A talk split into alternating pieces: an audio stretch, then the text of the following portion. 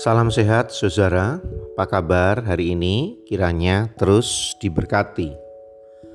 Firman Tuhan dalam Yesaya 52 ayat 13 dan 14 dikatakan, Sesungguhnya hambaku akan berhasil, ia akan ditinggikan, disanjung dan dimuliakan. Seperti banyak orang akan tertegun melihat dia. Begitu buruk rupanya, bukan seperti manusia lagi dan tampaknya bukan seperti anak manusia lagi. Yesaya 52 ayat 13 dan 14. Menjadi pahlawan itu ternyata tidak mudah. Karena apa yang disebut pahlawan itu karena orang yang melakukannya harus rela berkorban sehingga dia membela orang lain, mengutamakan orang lain, menguntungkan orang lain. Jadi, kalau kita ingin jadi pahlawan, harus siap-siap banyak berkorban. Nah, begitu juga bagi masyarakat akan menyebut seseorang itu pahlawan jika dia memang memiliki kriteria salah satunya tadi rela berkorban secara luar biasa. Jadi kata pahlawan ini bukan e, kata yang sembarangan. Kata pahlawan ini dikaitkan dengan orang-orang yang spesial. Apa kaitannya dengan bacaan kita Yesaya 52 ayat 13 dan 14? Nats ini adalah nubuat tentang karya keselamatan dalam diri Yesus Kristus. Nubuat tentang kematiannya, penderitaannya. Nubuat tentang apa yang akan Tuhan lakukan untuk umatnya. Nubuat ini diawali dengan keyakinan tentang keberhasilan bahwa Orang yang dinobuatkan nanti adalah orang yang pasti berhasil dengan apa yang dilakukannya.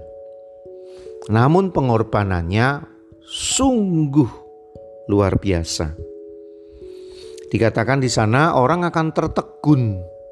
Tertegun itu kan di mana kita melihat dan nggak bisa berkata apa-apa. Nah dalam konteks ini orang-orang yang melihat dan tertegun itu karena melihat keberhasilan orang ini, Mesias ini, orang yang dinombuatkan ini sampai membuat mukanya pun tidak dikenali lagi.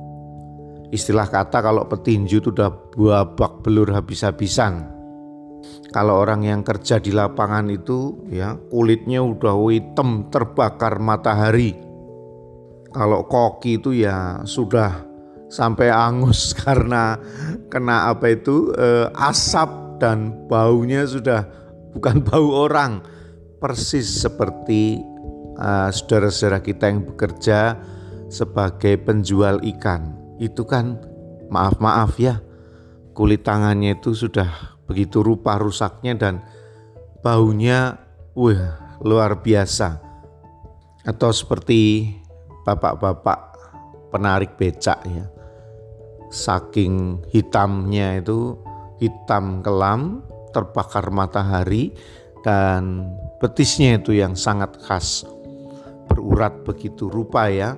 Uh, ya itu bukan sehat itu varises ya artinya karena dia uh, mengayuh beban yang begitu berat. Tapi itu semua itu semua adalah pengorbanan yang mereka lakukan untuk mencapai yang namanya sukses dan berhasil.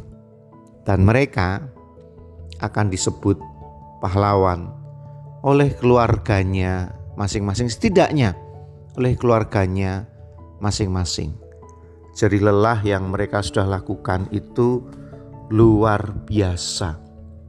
nano buat tentang juru selamat kita yang diberi judul hamba Tuhan yang menderita ini adalah sebuah inspirasi penting bagi kita bahwa memperjuangkan sesuatu untuk mencapai kesuksesan, untuk bisa berhasil. Keberhasilan yang besar tidak bisa kita lakukan hanya dengan cara-cara biasa. Yang lebih tragis lagi adalah kesusahan kita lalu menyalahkan orang lain. Ini sangat tragis.